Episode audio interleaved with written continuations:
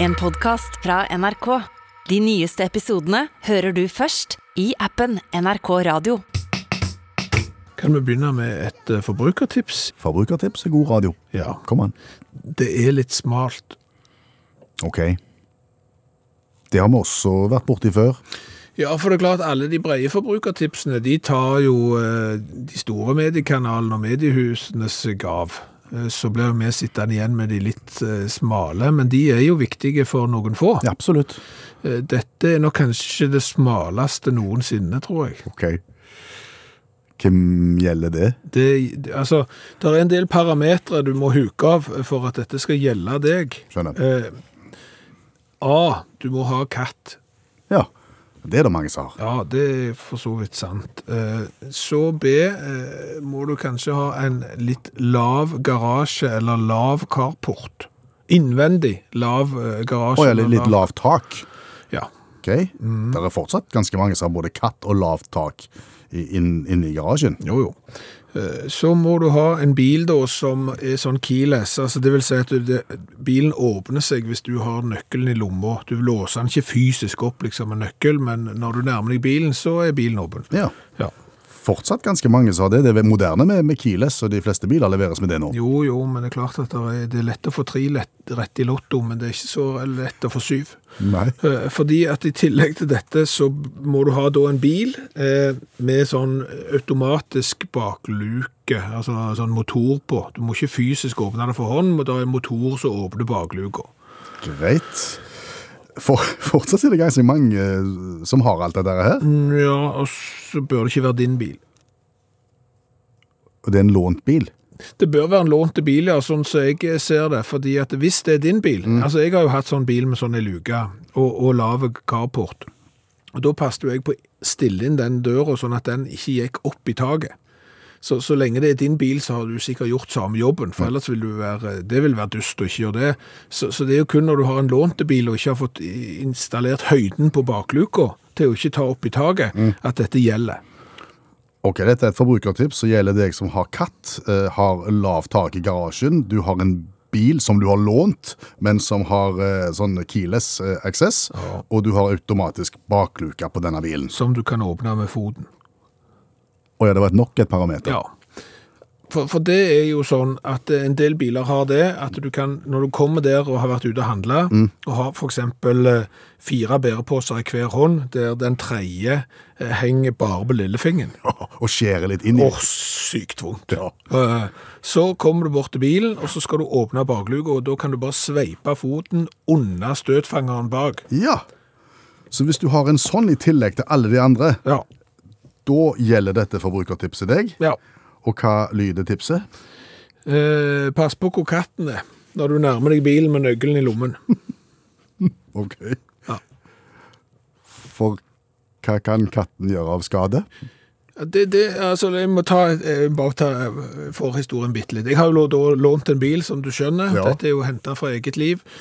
Og så skulle jo jeg, og heldigvis, så rygger jeg inn i garasjen en dag, og så skal jeg ta ut noe ved. Jeg har fått tak i ved, vet du. Se det. Det er helt sykt. På, på det svarte På det markedet? svarte vedverket. det. Så skulle jeg ta, nei, det var ikke ved engang, det var sånne tennbriketter, sånn litt sånn store, som jeg hadde fått tak i. Så skulle jeg ta de ut av bilen, og så legge de i garasjen. Og så åpner jeg jo eh, bakluka automatisk, og så begynner han jo å nærme seg taket, og han begynner å nærme seg sparkstøttingen, som henger med to meier i taket, og jeg sier, dette kommer ikke til å gå. Så jeg får jo heve meg opp, og reve ned bakluka på, eh, på bilen, sånn at han ikke tar oppi meiene på, eh, på eh, sparkstøttingen som Ja, henger der. men hvor kommer katten inn i bildet? Jo, men sant, dette var jo for... Så dermed så vet jo jeg at den her eh, luka her, den går for høyt opp. Den smeller i taket hvis du ikke passer på. Så går jeg i gårdsrommet der, og så har jeg jo nøkkelen til bilen i lommen. Eh, Ergo så tror jo bilen at jeg skal ut og kjøre. Og så ser jeg katten pile inn i carporten, og så hører jeg jo en lyd. Og så går bagasjeromsluka opp. Da begynner den å gå opp, ja. For da tror bilen at eh, katten er foten din. Katten har sprunget unna støtfangeren bak, og da tror jo den der dumme bilen at jeg kommer der med fire eh, bærepåser, der to av de henger bare i lillefingeren, og jeg har sveipet foten, og så begynner han å gå opp. Og jeg vet jo hvor dette ender hvis den rekker taget før jeg rekker bort. I sparkstøttingen. Ja. Ja. Så det er jo bare pi... Jeg, heldigvis, jeg rekker det jo. Ja. Sånn at jeg får jo stoppet den der, altså. Men det er jo Altså, Hvis jeg hadde stått og gjort andre ting, vært i nærheten av bilen og flytta båsdunken eller tatt inn aviser eller noe sånt og ikke sensa hva det katten driver på med, så hadde det jo vært sparkstøttingsspor i, eh, i porten på, på bilen til de som jeg har lånt den av. Nettopp. Det stunder mot høst. Det gjør det.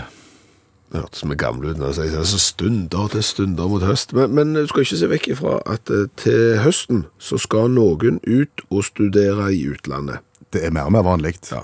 Og, og det kan fort være dyrt, men heldigvis så finnes det jo for eksempel legat og stipend. Av ymse art. Eh, Allmennlærer med to vekttall i musikk, eh, Olav Hove. Du har sett på løsninger for utenlandsstudenter. Ja, det finnes et vell av stipend, nemlig. Og da tenker ofte folk når det er stipend sånn, i- til utlandet, at du må ha liksom, du må ha sekser i snitt fra videregående, eller du er 2,38 og er enormt god i basketball for å få stipend. Men det finnes mange sånne små. Så hvis du tenker ikke nødvendigvis kvalitet, men kvantitet, så kan du samle opp en haug med stipend, og så kan du finansiere studiene dine. Snakker du nå internasjonale stipend? Ja, det jeg snakker internasjonale stipend. Jeg snakker helst i USA, for det er der de er litt mer kreative på området. Men f.eks. Uh, The Gallery Collection har et internasjonalt stipend. Da skriver du en søknad. En kort søknad, så legger du ved et gratulasjonskort som du har, sign- som du har designa sjøl. Og da kan du få oppimot 90 000 kroner i stipend, hvis du, hvis du liksom viser at du er et talent innenfor gratulasjonskortproduksjon. Amerikanske post, eh, Postal Service, altså Posten i USA, de, gir, deg- kan, de tilbyr 20 000 i stipend til studenter som ønsker å tilegne seg utvida kunnskap om amerikansk posthistorie, i tillegg til studiet. Og det er jo greit, det er ikke det? Hvis du leser det litt opp, må skrive et lite essay, og så må du få et anbefalelsesbrev. Og Hvis det er tidligere elever av meg som vil et anbefalelsesbrev at du er talent innenfor å tilegne deg posthistorie i USA, så er det bare å ringe. Og så er det sånn, Jeg, jeg har litt sånn bitterskjøttet her for meg, fordi at jeg, jeg burde jo ha søkt når jeg var student, fordi at jeg er jo perfekt. For hvis du er lang og keivhendt, så finnes det vanvittig mange st- stipend. Jeg fant 21 forskjellige stipend som handler om folk som er lange. Altså hvis du er over 1,78 som dame eller over 1,90 som mann, så kan du få mange stipend. Eh, stort sett i 10 000 kronersklassen, da. Men eh, 12 Club International, da, som er en internasjonal klubb for lange, så jeg skal melde meg inn og med en gang dette programmet er ferdig, der kan du få opp mot 20 000 kroner i året hvis du er lang nok. Og samme hvis du er keivhendt. Eh, Fredrik og Mary Beckley Scholarship, 5000 kroner i året til venstrehendte studenter. Og sånn går det om igjen og om igjen. om igjen. Er du hedning, hvis du er ateist, så kan du få 5000 kroner av Michigan Pagan eh, Scholarship. Da må du òg ha anbefalelsesbrev. Det kan jeg òg skrive hvis noen er interessert i det. Det er lenge siden jeg har hørt ordet hedning. Hedningsstipend. Ja, 5000, sant? og du, du kan samle det opp litt, sant? Og så har du mer sånn som Washington eh, State Potato Foundation. De tilbyr 50 000, 50 000 kroner til studenter som søker agrikulturelle studier og kan vise til en utmerket resultat innenfor potetdyrking. Men her er det jo mange studenter f.eks. på Jæren i Rogaland Ja, ja. Som, som har potetkompetanse og bør søke umiddelbart. Ja, ja. Og Hedmark. eh, Kreativ bruk av poteter. Helt sikker på mange ungdommer der som har gjort store ting med poteter. så- Som de kan eh. Ja, og for ikke å glemme, hvis du er dyrevenn, Michigan Lama Organization tilbyr 5000 kroner til studenter som er medlemmer i en organisasjon som jobber for lamaens ve og vel. Og så er det en ultimate, vil jeg si. eh, Det er Duck Brand, det er et kommersielt selskap med tøysekopper. De har en konkurranse. Og der kan du få 100 000 kroner i året. Det er to stipend, én til gutt og én til jente. Det er til em, studenter som klarer å designe det flotteste og mest innovative skoleballantrekket av gaffateip. Eh, Em, og Og for 100 de som ikke vet hva gaffateip er, det er en sånn en lerretsteip som er så sterk at hvis du ikke klarer å fikse tingene dine med, med gaffateip, så har du ikke brukt nok. Ja, og høres litt lett ut, men jeg kan si at Bailey DeVos, hun vant fra, fra Caledonia High School i Michigan, hun vant i år, og hun lagde, hadde designet en viktoriansk kjole, og øredobba smykke, hårpynt, korsett og falske negler, og 24 ruller med gaffateip, og fikk da 100 000 kroner, og kan da finansiere ett år med studier. Et vesentlig spørsmål bare helt til slutt. Ja. Er disse stipendene åpne for norske søkere? ja. De aller, aller, aller fleste åpner for norske søkere. Ingen grunn til å ikke komme seg til utlandet, tenker jeg. Nei. Tusen takk, allmennlærer med to vekttall i musikk, Olav Hove. Er det mulig å få noe ketchup-musikk? Ja, ja. Jeg ser det hei, ha, det hei, det hei, vet du det hei, men det ser vi jo nå, mamma, har vi en, det boogie, en, det boogie, vi, vi. Ja, det er jo det feiende flotte orkesteret Lass Ketchup med The Ketchup Song, så der traff du godt. Takk. Eh, Og anledningen er jo at vi har levd i over 50 år i den velfarelsen at ketsjup det er et produkt som er tomatbasert. Ja. Så feil kan man ta. Så feil kan man ta. Det viser seg jo at ketsjup er jo på en måte mer en dressing. Meaning Nei, men altså, dressing er jo, eh, en grei- det er jo et produkt eh, som kan være for eksempel eh, hvitløksdressing, Ja. rømmedressing, Ja. eh, selskapsdressing, hamburgerdressing. ja, Thousand Island. Altså, det det er jo et mangfold innenfor dressinger. Ja.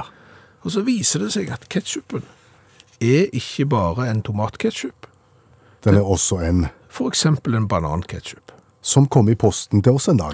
Ja, vi har fått av Alexander, den er kjøpt på, på Filippinene. Eh, og, og, og så, når du da søker opp liksom ketchup, Ja. eh, ke- det finnes, altså ketchup eh, er egentlig synonymt med tomater.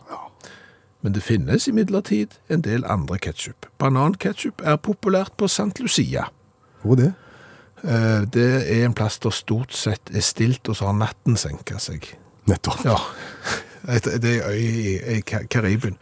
Og tydeligvis på Filippinene òg, for det er der det går an å kjøpe dette. Eh, Ketchup kom opprinnelig fra Asia. Da var det da en krydra søt fiskesaus som ble kalt for ketchup. Ketchup. Ketchup eller ketchup. Aha. Jeg er litt usikker på u- uttalen der. Nådde Malaysia og Indonesia. Da gikk han over til å bli ketchup eller ketchup. Jeg er Litt usikker på uttalen der òg. Frakta til Europa av eh, fulle sjømenn på 1500-tallet. Aha. Eh, gjort mindre krydder, heiv he- heiv inn litt champignon, pepperrot og ansjos. Au! Fikk du lyst på den nå? Nei. Nei, eh, og ble jo da kalt for ketchup. Og den første tomatketchupen så dagens lys i 1801. Akkurat. Vet vi om bananketchupen var på en måte på, på moten før det, da? Og om den var på banen før 1801, Ja. er veldig usikker. Veldig usikker. Ok. Skulle vi smakt på bananketchupen? Ja. Nå har vi hatt den liflige lukten av pølser i studio siden vi begynte, så det er klart at det er på sin plass. Pølser i brød, ikke med tomatketchup, men med bananketchup. Ja. Nå er jeg spent på hvordan den ser ut. Hæ? Den er rød. Han er rød som vanlig ketchup. Jeg hadde jo forventa at det skulle være gul som Banos-pålegg eller noe sånt. Ja, og så er den rød. Ja, Og da er vi spente, da. Han, han lukter ikke banan. Lukter den ikke banan? Ikke i det hele tatt. Skal du prøve, du òg? Nå har jeg tatt på rikeslykt. OK. Én, to, tre. Bananketchup på pølsa.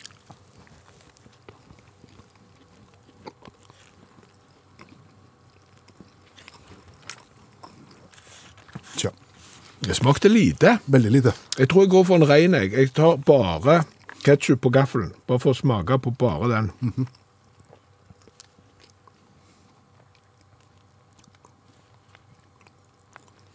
Og lite det òg. Lite det òg, men det smaker jo liksom den der eddiksmaken som du har i vanlig ketsjup. Jeg vet ikke, Er det rett og slett at f.eks. på Filippinene og den der han er St. Lucia og sånn, så de, de er tomme for tomat? Og så gikk de Ja, hva kan vi- vi ta banan? Det Mm, Ja, muligens. var ikke mye forskjell. Nei, egentlig ikke. Ja, ja. Da har vi nå prøvd det òg. Ja, hva skal du, har du noe konklusjon? Skal du til St. Lucia, eh, Filippinene eller et annet land, eh, prøv gjerne bananketchup. Det er ikke vondt.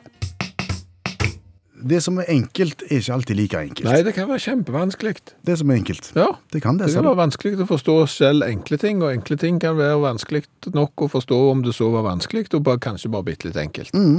For hvis du kommer fra enkle kår, Ja. hvordan høres det ut? Det er ikke bra. Nei. Da har du så vidt vokst opp. Ja, Så vidt vokst opp, ja. Det, du har vært eh, i, kanskje i et lite, et lite skur. Mm. Der ingen skulle tro, og så videre. Ja. Da kommer du fra enkle kår. Ja. Hvis du da kommer fra vanskelige kår, Ja, det er ikke bra det. det er ikke enkelt, det. Nei, det er ikke enkelt. Hvis du har vokst opp i vanskelige kår, så har du ikke hatt det enkelt. det er helt sikkert. Og har du hatt, kommer du fra enkle kår, så har du hatt det vanskelig. Mm. Det er ganske bombesikkert. Og hvis du har vokst opp i enkle, vanskelige kår, Ja. så har du kanskje blitt litt enkel. Ja, og er du litt enkel, så er ikke det bra. Nei, det er ikke en hedersbetegnelse. Det er ikke en hedersbetegnelse. Nei, men hvis du er vanskelig, da. Nei, det er ikke enkelt å være vanskelig. Nei, det er ikke bra, det Nei, heller. det er ikke det. Nei, dette er ikke enkelt. Dette er kjempevanskelig. Ja, det er det. Og, og, og du kan jo tenke deg at hvis du er enkel, Mm. så kan du samtidig være vanskelig. Ja, for hvis du har da vokst opp under enkle, vanskelige kår, Ja, så har du kanskje ikke fått med deg all den håndbagasjen eh, som du burde gjort, som burde hatt, og dermed så blir du litt vanskelig fordi du er enkel. Ja, det er litt som om du har kniver, men ikke skuff, hvis du skjønner. Kan du drive enkeltmannsforetak, da? Nei, det er vanskelig. Eh, har du opplevd eh, noen andre butikker eh, enn matbutikker som har sånn eh, selvbetjente kasser? Mm, Sånn som du skanner sjøl, Ja, ja. og så får du en sånn liten lapp så du kan pipe på en sånn bom som åpner seg. ja. Ja, Ikea. Har ikke det? Jo, Ikea, ja. Dette har jeg gått og tenkt på i dagavis og ikke kom på noe annet enn matbutikker, og så har du Ikea, ja. Ja. Ja. OK. Ok. Da var var vi ferdige? Nei, nei, for så vidt ikke. Eh, altså Ikea, ja. Men jeg tror det er noen bransjer som hadde solgt mer om de hadde hatt eh, selvbetjent, ubetjent kasse. Det er interessante problem, eller hva skal du si, observasjon. Ja, for det er jo de som sier nei, sånn kasse skal jeg aldri bruke fordi at det er sysselsetting og den greia der, men, men jeg tror allikevel at hvis vi ser vekk fra det argumentet der, så er det en del bransjer som kunne løfte omsetningen kolossalt mye hvis de hadde hatt eh, selvbetjent kasse, ubetjent kasse. Går det an å ha en, en slags felles overskrift over de bransjene, tror du? Altså, det er der de selger ting som er flaut å kjøpe. Mm, Ja. Og det varierer jo litt for så vidt, eh, men altså, eh, jeg kjøper jo aldri dameundertøy. Nei, du går ikke så mye i det heller, gjør du det? Nei. Nei, ikke, ikke, ikke ofte. Nei, men, men jeg, jeg kjøper jo ikke det. Altså, Selv om det er, er, er mennesker som, som ønsker seg det, så går ikke jeg og kjøper det. For det, det syns jeg er, er flaut. Men hadde du kunnet gjort det i, i dulksmål? Dølksmål? Ja, men altså, Hadde jeg gått i sånn ubetjent kasse, så, så var det ingen som hadde visst hva jeg hadde kjøpt. Sant? For det er klart at det, det er flauere å kjøpe noe som er kun en tøylapp Mm. av, av et undertøy, enn f.eks. noe som er litt mer sånn bombesikkert, hvis du skjønner. Og klart, Jo mindre undertøy er, jo flauere er det. Ok. Og, og dermed så eh, Ubetjent kasse. Alle tiders. Alle ti- kunne kjøpt hva du ville. Ja. Eh, Sexleketøy. Samme greier. Ja. Det har jeg aldri kjøpt, eh, kommer heller aldri til å kjøpe. eh, Og, og jeg er et av Nei, det er sikkert mange momenter for det, men eh, det er klart Å gå gjennom kassen der Mm. og se de som står eh, på, an- i andre enden der, det hadde jeg aldri gjort. Nei. Nei. Så du ville på en måte gått, men du kunne kjøpt, og så kunne du skanne og putte i egen pose. Ja. Det som da hadde blitt litt ugreit, det er hvis det blir sånn stikkprøvekontroll. Stikkprøvekontroll. Ja, for det skjer jo rett som det er i sånne ubetjente kasser. Aldri opplevd. Og det har jeg opplevd opptil flere ganger i det siste. Da blinker det rett og slett svært rødt lys Ja. over den kassen som du står i, Ja. og så kommer det mann eller dame og skal se i posen. Og så skal de se hva du har kjøpt, og så skal de skanne, så skal du se om du har skanna det samme. Og så ser de at du har minimalt med, med, med dameundertøy og, og, eh, Ja. og ting som, som går på batteri og, og, og, og rører på seg. Ja, og det, og det røde lyset som blinker, det blinker såpass voldsomt at det vekker oppsikt. Ja. Så da er det ganske mange som, he- som, som på en måte retter oppmerksomheten mot han med stikkprøvekontrollen. Men, men sier du at det har du opplevd flere ganger? ja, aldri før denne uka, men to på rad nå. Denne uka. Hva er det du har gjort? for Nei, noe? jeg vet ikke. Du bør barbere deg eller eh, shine deg opp eller et eller annet. Kanskje du sender noe dårlig. Jeg har aldri blitt eh, opplevd sånn stikkprøvekontroll. Nei. Men, men jeg har opplevd et annet konsept med sånn ubetjent, selvbetjent eh, kassegreier. Og jeg var jo i Wien i påsken. Ja. Hvor sterk er jeg i tysk? Ikke spesielt. Nei. Nei. Eh, men jeg tenkte, ja ja, hvor vanskelig kan det være med en sånn en kasse? Jeg har jo vært borti det før. Ja. Det var verre enn jeg trodde. ja. Oi, sann. For, for det, jeg skjø- jeg knakk ikke koden. Var det noe spesielt du måtte gjøre? Jeg skanna, sant? og så gjorde jeg sånn som jeg pleier, og så begynte det å pipe, og så skjønte jeg ikke hvorfor det peip, og så kom det noen i sikte, og så bare satte de tingen min ned på andre sida. Så ja vel, greit, så var det sikkert bare det produktet, så tok jeg et nytt, og så ble det bare rot, det òg. Så viser det seg det, at det du må gjøre, du kommer med handkåka, setter den til høyre for den her plata som du skal skanne på, så må du ta varen og skanne den, og plassere den fysisk på venstre side. Fordi Der er det ei vekt. Å, Så hvis du kjøper 200 gram med melkesjokolade, og legger 100 gram på andre siden, så skjønner jo den her at her er det 100 gram som eh, et eller annet har skjedd på veien, eller noe. Altså er det noen som driver og tufser og tafser og eh, jeg skjønner. Ja. Så, så alt ble veid. Til og med den minste tygg, tyggipakken. Alt ble veid. Tror du de har sånn hvis du kjøper seks leketøy òg?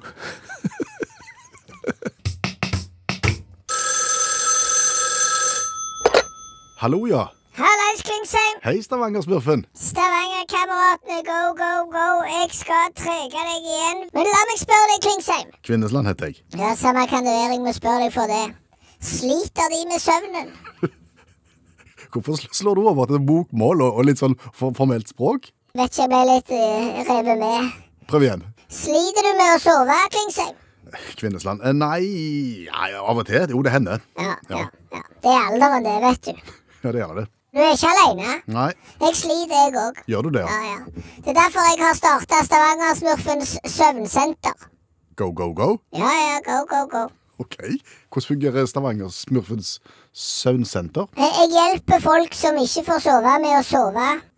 Gjennom et velprøvd opplegg. Ok.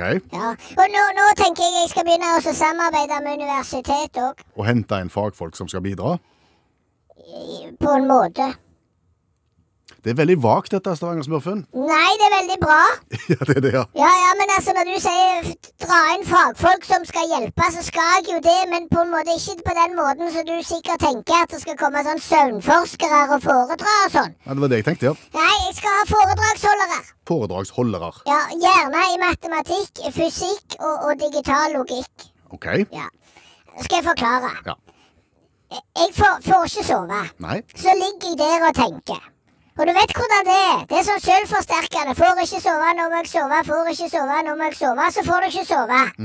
Og det er jo da, i den perioden der jeg er på mitt mest kreative, Ok. så begynte jeg å tenke Når sovner jeg oftest? Og så slo det meg klingsen. Kvinnesland. Samme kan det være det slo meg for det. På skolebenken. Da sovner du, ja. Da sovna jeg. Har ikke du sittet på forelesning du òg og blitt liksom Oi. Jo, Blafra litt med øynene, og så lurte du på hvor ble Hæ? Hva er det som skjedde? kjenner meg igjen. Ja? Så da tenkte jeg å få til et sånt et samarbeid med universitetet. Så filmer jeg en del forelesninger. Og hvis du ikke får sove en kveld, så går du inn på Stavangersmurfens søvnsenter Go Go Go på nettsida der. Og så kan du f.eks. finne deg da en forelesning i matematikk eller fysikk eller noe som du ikke forstår en drit av. Jeg kan love deg det, etter syv minutter så kommer du til å sove bedre enn Torne Rose. Ok. Er det ikke genialt? Det Hva skal jeg si? Da må du innrømme eh, en genistrek når du ser en rett foran nesen på deg. Dette er så genialt at det er helt innlysende. Det finnes jo sånne søvnvideoer å, å, å laste ned eh, nå òg, men da er det jo fagfolk som på en måte snakker og, og, med en beroligende stemme. Ja, men det er fagfolk som snakker nå òg. De bare snakker om noe helt annet. Ja, skjønner. Ja, ja, det er det som er så fint. Det er ingenting som er så kjedelig som forelesninger og skole. Og spesielt på ting du ikke forstår. Så hvis du tar et fag som du overhodet ikke er interessert i, ikke har peiling på, så kommer du til å slukne på no time. Ok. Ja, Det eneste er jo å få eh, foreleserne med på dette. Ja, har du begynt? Så vidt. Ok, Hvordan var reaksjonen? Ikke udelt positivt. Nei. Nei. Var de åpne for å tenke på det, eller var det bare en en slutt? Egentlig ikke det heller. Nei, tenk. For de syns at eh, å, å bruke faglig kunnskap til å få folk til å sovne, det syns de ikke noe særlig om. Skjønner. Ja. Men jeg, har- jeg har alliert meg med kajakken, da.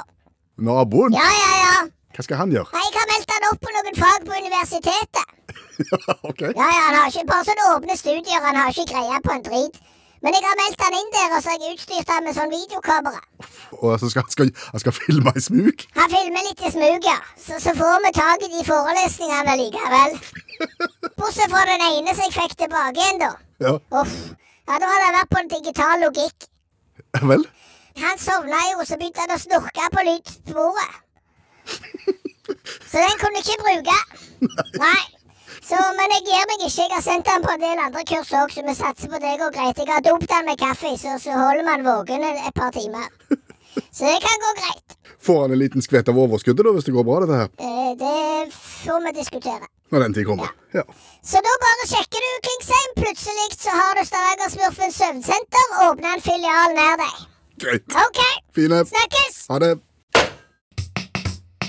Har du lagt noe på en lure plass noen gang?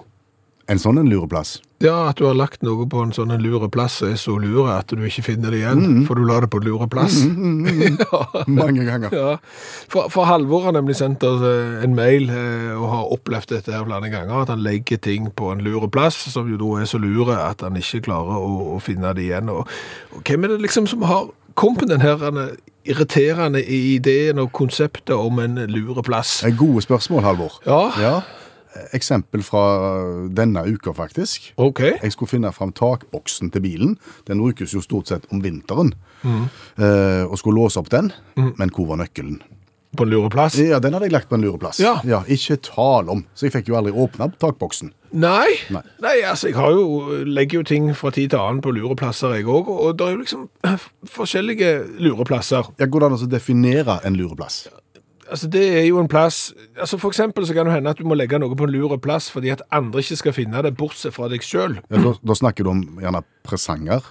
Ja, altså i, i jul så fant jo ikke jeg barbermaskinen til svogeren min fordi at jeg hadde lagt den på en lureplass, eh, blant annet. Og, og litt det samme når jeg er ute og reiser, så legger jeg gjerne passet på en lureplass på hotellrommet, sånn at jeg skal finne det igjen, men hvis det er noen som bryter seg inn på hotellrommet, så skal de ikke finne passet igjen. Ok. Det ender jo med at eh, hverken de eller jeg finner passet. Nettopp. Eh, Og så har du det der når du legger ting da på en lure plass fordi at du skal ta det igjen øyeblikk.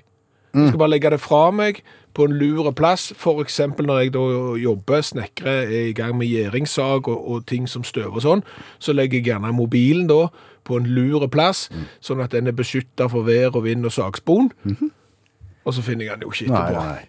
Og så ringer jeg til han, så har jeg setter han på lydløs. Så finner jeg den jo For du ikke skal da ikke heller. forstyrres når du jobber. Nei, så, så, så sånne lureplasser. Så det er forskjellige lureplasser. Ja. Men, men den her er nøkkelen din. ja. Kunne du ikke gjort sånn som jeg gjør? For, for jeg har jo for eksempel da sånn nøkler. Da har jeg en faste lureplass Til nøkler. til nøkler, ja. Altså da har jeg først de nøklene som jeg bruker. Eh, De har jeg på én faste plass, og ved siden av de så har jeg de nøklene som jeg bruker veldig sjelden, da, så da er på en måte deres faste lureplass. Å ja. En, en faste lureplass. Ja. Ok. U- Ulempen med det er jo at alle sånne nøkler som jeg nesten aldri bruker, havner i den samme skåla, og, og der forsvinner de jo aldri fra. Så når jeg da skal finne den nøkkelen som jeg faktisk er på jakt etter, så finner jeg den jo ikke, for der ligger det jo 14 nøkler fra gamle kofferter som jeg lenger ikke bruker, Mhm. eh, en del sykkelnøkler fra sykler som jeg lenger ikke har, Mhm. og, så det er jo ulempen da med det hele. Og så er det vel gjerne sånn at eh, en tenker at eh, en skal være lure, og så skal en, le- i alle fall når det handler om at, det, at ikke det skal bli oppdaga, da legger en gjerne gjenstanden ut forbi sitt vante element. Ja. Sånn at det ikke er en naturlighet i at eh, tingen ligger akkurat der. Ja, Mm. sånn at det er derfor jeg legger barbermaskinen til svogeren min i, i klesskapet til kona. For eksempel. Ja, ja, ja. Som er den siste plassen jeg kunne tenkt meg å, å le, lete. Ja, ja. jo, men det er jo lurt akkurat der og da. Ja. Og så er det det øyeblikket tanken forsvinner, så er det jo ikke lurt lenger, for da hadde du egentlig kommet på hvor den lureplassen var, men da har du glemt det ut. Ja, og For fellestrekket er jo det at du i det øyeblikk du legger det der og tenker at det er lurt, så, er det- så, så har du ingen tanke for at du kan glemme det ut. For det er så åpenbart at den skal ligge der. Og det tar tre kvarter siden den vekke.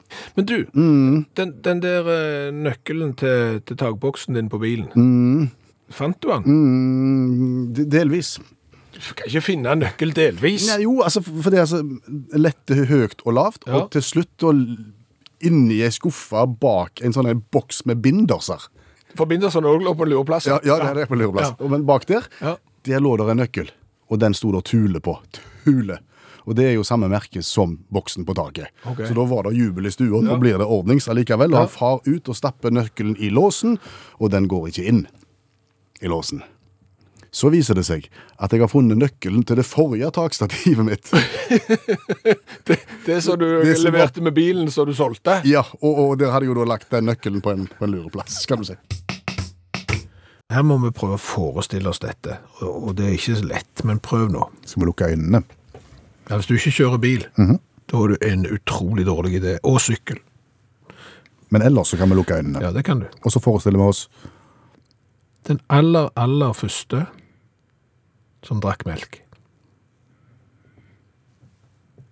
Var det alt? Ja, men Da har du ikke lukket øynene godt nok og, og tenkt deg godt nok om. For det er klart at det, den aller første som drakk melk, var jo ikke en som gikk ned i butikken og kjøpte én liter med, med helmelk eller lettmelk og, og drakk den. Nei. Han så at det hang noe under kua, og Ja, han gjorde det. lurer på om jeg skal dra litt i den. Hvorfor sier vi han? Det kan du si. Men sjansen er nok stor, ja. Ja. Hvis jeg drar litt i den, Ja. så skal du se det komme ut en skvett. Ja, Skulle jeg smakt litt på den? det tror jeg er en god idé. Ja. ja nå skjønner jeg hvor du vil. Ja, det må, det må jo eh, ha blitt oppfatta som litt rart og litt sært, og, og, og kanskje omgivelsene så, så på vedkommende med litt eh, annerledes øyne der. Og hvis du da fikk smaken på det, så har du jo en, du har en liten sånn en forklaringsjobb. Et pedagogisk ut, en pedagogisk utfordring. Ja. Altså, du gjør bare sånn, og det er ikke mor di som står der. Nei. Det er noe helt annet. Det er faktisk et dyr. Mm, men du bare går og så drar, Ja. og så kommer det ut. Så kommer det ut, og det sparer du på. Ja. Du ser den. Jeg Ser den. Ja. Men de har nok sitt på kalven, skjønner du. Jo, men ble det bedre nå?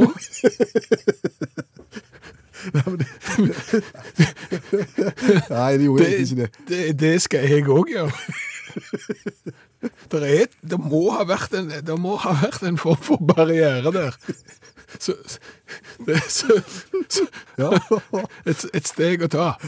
Hvis kalven kan, så kan jeg. OK. Greit. Jeg bare kom til å tenke på det. eh, Matematikk på radio, er det god underholdning? Veldig sjelden. Bortimot aldri. Ok. Nei. Eh, k- Kan jeg få prøve? Altså, Hvis jeg kan love deg en matematisk formel som du aldri kommer til å glemme En matematisk formel jeg aldri, aldri, aldri kommer til å glemme. Ja, det, det tror jeg. Jeg kan love. Da s- skal du få lov til å bedrive litt matematikk på radio. Tenk, tenk deg at du har en pizza. En runde pizza. Ja. Radiusen, vet du hva det er? Altså radien på, på en sirkel. Ja, det er jo halv, halvparten over, på en måte. Ja, altså det er fra midten og ut til kanten. Ja. Det er radien. Radiusen. Den, den kaller vi for Z. OK, nå, nå må vi notere her. Ja. Radiusen kalles for Z. Ja. OK. Og så er det hvor tjukk er denne pizzaen? Høyden på den. Mhm. Det er A. Ok, Det er bok- bok- representert ved bokstaven A. Ja. Ja. Da blir den matematiske formelen for volumet av en pizza blir pizza. Pizza. Ja. Pi. Ja, selvfølgelig. Ja. Pi 3,14, Mhm. altså pi gange z, som er radien, Mhm. gange z, som er radien en gang til, for du har radien i andre, Ja. og pluss høyden, gange eh, høyden. Altså, volumet av en pizza er pizza. Genialt. Det er så genialt. Når har du bruk for det? Aldri. Nei. Nei. Dette er utakt i NRK P1, og et spørsmål går til deg, Skjæveland. Ja. Hva er ei halvøy? Et stort nes. Et stort nes. Ja. Kan du gi oss et eksempel på ei halvøy? Eh, Krim. Krimhalvøya, ja. Ja. Greit, ja. Ja. Eh, eller eventuelt cola. ja. Det ligger jo for så vidt i navnet der, for de sier jo, du, du, vi sier jo Colahalvøya. Ja, da må det jo være ei halvøy, Ja, ikke sant? tenker jeg. Ja, men nå tenker jeg, hvis du skulle se det for deg, prøv også å visualisere hva, hvordan du ser ei halvøy, og gi meg et eksempel som ikke heter halvøy fra før. Jeg går jo ikke rundt og tenker på halvøyer sånn hver eneste dag, sånn at jeg liksom har ei halvøy klar Altså bortsett fra krim og cola, så, så har jeg liksom Jeg s- jeg sitter ikke der liksom Når får jeg sånn halvøyspørsmål, så bare rams Jeg gjør jo ikke det. Nei. Jeg går jo ikke og tenker på nes heller. Nei, Det er det samme som odde, det. nes. Er det forskjell på nes og en odde, eller er det likt? Jeg jeg har bare en følelse av at en odd er større enn et nes. Men eh, Ja, er, er det sånn at du En, en tange, da? En tunge sånn? en tange. Er det ikke det som heter tange? Jo, jo, jo. Er det mindre eller større enn et nes? Ja, nå spør du, nå, altså, så har du ei vik innimellom her da. Ja, må du ha to eh, nes for å få en vik? Det tror jeg. Eller du kan kanskje ha et nes og en tange og en vik imellom. Da er det nok. Jeg vet ikke, men nå Nei, skal men altså, det er jo litt sånn, eh, er, er det størrelsesbasert? Sånn at, det- nå, nå bare gjetter jeg her, at tangen er minst, og så hvis den er blitt voksen og har kvalifisert seg, så kan han bli nes, og vokser han enda mer, så kan han bli odde, og hvis odden har ambisjoner, så kan han bli halvøy. Det var ei rekke jeg ikke så komme, men den er interessant. For, for alle disse tingene her Ja. henger jo, de er jo landfaste, de bare stikker ut. Ja. Og så er de jo litt forskjellige i størrelsen, sikkert. Er Norge ei halvøy? Ville du sagt det? Han henger jo eh, Norge og Sverige kanskje sammen.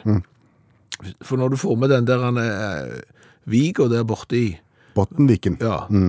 Det, det gjør jo at det da ser ut som en kanskje stor store halle. Ja, her er du inne på det, sa du. Ja, for, fordi, men det- vet du hva, nå skal jeg spore deg av en gang til. Åh. Vet du hva, hva er på andre siden av liksom Bottenviken og sånn? Finland. Finland, ja. Det finnes ikke. Fin Finland fins ikke. Nei, det er en konspirasjonsteori det. Det at Finland finnes ikke, det er bare, det er noe som noen har dikta opp, for det er egentlig fis japanske fiskebåter som ligger i Bottenviken. Det er lysene fra det du ser hvis du ser fra Sverige. Du ser ikke Finland. Finsk ikke? Finnes ikke det. Nei. Ok. Men det var tilbake til Halløya, ja. Ja. Ja, For jeg har funnet det, er jo- eh, For jeg lurte på om Norge kunne være i halvøy. ja, ja var han det? Nei. Men, men teorien med henge sammen med Sverige er bedre. Ok. Men da er det jo ikke et land, da er det to land. Men ok, Halløy er et landområde eller geografisk formasjon som er helt omgitt av vann på tre kanter, Ja, men landfast på én side. ja. Altså, ja. Altså et nes.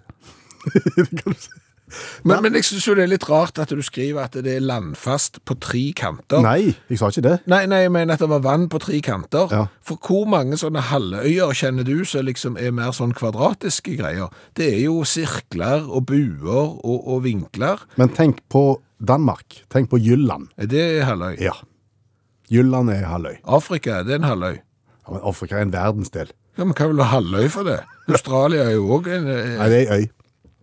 Det er ikke Halløy. Nei, men det er jo også en verdensdel, og Mm. det får jo lov å være øy. Men jeg tenk, tenk på Danmark, for Danmark ser du for deg. Jeg har ikke lyst til å tenke på Danmark. Fins ikke det heller? Jo, det finnes sikkert. Men, jeg, s- men ikke hele Danmark er ikke en Nei, halvøy. jeg sa ikke Sjælland, bare Jylland. Ja, Men vet du hva? Jeg hater når folk begynner å snakke om Sjælland og Jylland og sånn, for jeg husker ikke hvilken som er hvilken. Hvor er det du finner Aalborg? Jylland. Hvor finner du København? Sjælland. Er det bare de to? Ja. De aller fleste av oss har jo to armer. Ha- Har du gått rundt og kjent litt på takknemligheten over akkurat det at du har to armer og, og fingre og, og den slags? Sikkert altfor sjelden. Ja. For det burde en kanskje gjort. Ja, det, det tror jeg du burde gjort. eh, Når du for eksempel vifter vekk mygg eller innpåslitne fluer som eh, svermer rundt deg en sen sommerskveld, så vifter du de vekk, og da bør du kanskje være litt grann tal- takknemlig over at du har faktisk armer som kan gjøre det. Da skal jeg forsøke det i sommer. Ja, og, og kanskje enda viktigere, den ene gangen, så- om ikke lenge, for det kommer til å skje, eh, når du får et lite øyelokk, Øyelokk. øyelokkshår, inn på øya, Og det er irriterende. og det er irriterende, ja. Og så at du da heldigvis har armer og fingre som gjør at du kan åpne øya, holde øya åpent og bruke den andre hånda til å komme deg inn på øya og få tatt vekk det håret som ligger der og irriterer så grenseløst. det er en sånn en lettelse når du får vekk det, og Ja. kjenner på den. Ja. Eh, for jeg har tenkt litt på dyr som ikke har armer. Du har tenkt på dyr. For eksempel kyr. Mm-hmm. Er kyr i stand til å få vekk et sånn et eh, irriterende øyelokkhår fra øya? Eller sågar hest, hvis de har fått litt man inn på øya? Og de har jo store øyer òg, så det er Ja. jo plass til ganske mye. Og de har jo ikke armer og fingre. Hvordan løser de det? Nei, altså du snakket jo om myggen og knotten og, og insektene. Ja, De føyser jo en del vekk med, ved hjelp av halen, ja det gjør de. men du kan ikke bruke halen til, til det som du sa med, med det som har kommet inn på øya. Nei, Nei. Kan de bruke tunga? Nei, de har ikke så lange tunger. kua har kanskje. Jeg har spist eh, tunga av ku. Det, er- det er voksent organ, for å si det sånn. Det, det, jeg tror det kan gå ganske langt. Så det er mulig at kua kan slikke seg i øynene og få vekk eh, øyelokkshår. Eh, men det er jo andre dyr igjen. Jeg aner ikke hvordan de forholdes. Altså, er alle dyr utstyrt med en tilgang til de mest irriterende stedene på kroppen, hvis du skjønner. Altså, Det er jo andre plasser òg, når det begynner å klør og sånn. Det der er ikke mange plasser vi ikke kommer til med armene våre. Vi kommer til og med stort sett til på ryggen og overalt, men er det sånn at det er dyr der som, som rett og slett har områder som er helt De, de kommer ikke til. Nei, altså, ei ku kommer jo ikke til hvis en klør midt opp på ryggen. Ja, halen. Ja, hvis det er litt, litt langt fram. Litt oppå nakken. Oppå ja. nakken, det er ikke sjans. Ja, nei, Da, nei. må- da må de nok inn til et tre eller, eller en vegg og, og kneke seg, kanskje. Ja, eller, eller finne en eller annen som kan bistå, Ja. liksom, om de har Hallo? Ja, det er mulig Ja men, at hva, jeg... ja, men hva skal den andre kua klø med? Nei, men den, det er igjen, da, hvis de har fått et sånn øyelokkhår, eller hesten har fått man på øya, eller noe sånt, så kan han jo gjerne henvende seg til en annen fjording, og så spørre om du kan slikke meg på øya, for eksempel. Jeg er ikke sikker, men, men dette har jeg gått og lurt på. Mye? Faktisk ganske, ja. Eh, og, og jeg har jo tenkt på kenguruen, for eksempel. Ja vel, med problemer med Altså, Kenguruen har jo veldig korte armer. Ser litt, ra- ser egentlig litt rare armer. Litt sånn, ser ut som et ekorn. sant? Og ekorn òg har den så korte armer at han ikke rekker opp til egen, egne øyne. Eh, Og da er det gjerne upraktisk med så store bakbein. Hvis du skal begynne å så ta ut hår fra eh, øyet ditt med, med kraftige bakbein. At det fort kan, kan bli følgeskader. da. Du skal være forsiktig. riktskader. Ja, du skal være forsiktig innpå der. Du vet aldri hva som skjer. Så, så dette har jeg litt lurt på, om, om naturen har ordna det sånn at alle dyr har tilgang til kroppens eh, proble problematiske områder, eller om vi er i særstilling. Og det er greit å få det ut, på en måte. Ja, det er ikke sikkert at det har bidratt til så mye, men det var greit å få det ut. Du har hørt høydepunkter fra Utakt med Per Øystein Kvindesland og Bjørn Olav Skjæveland. Jaha, det var ikke mer. Sett nå kaffekjelen over og slapp av, og kos deg litt. Takk for nå.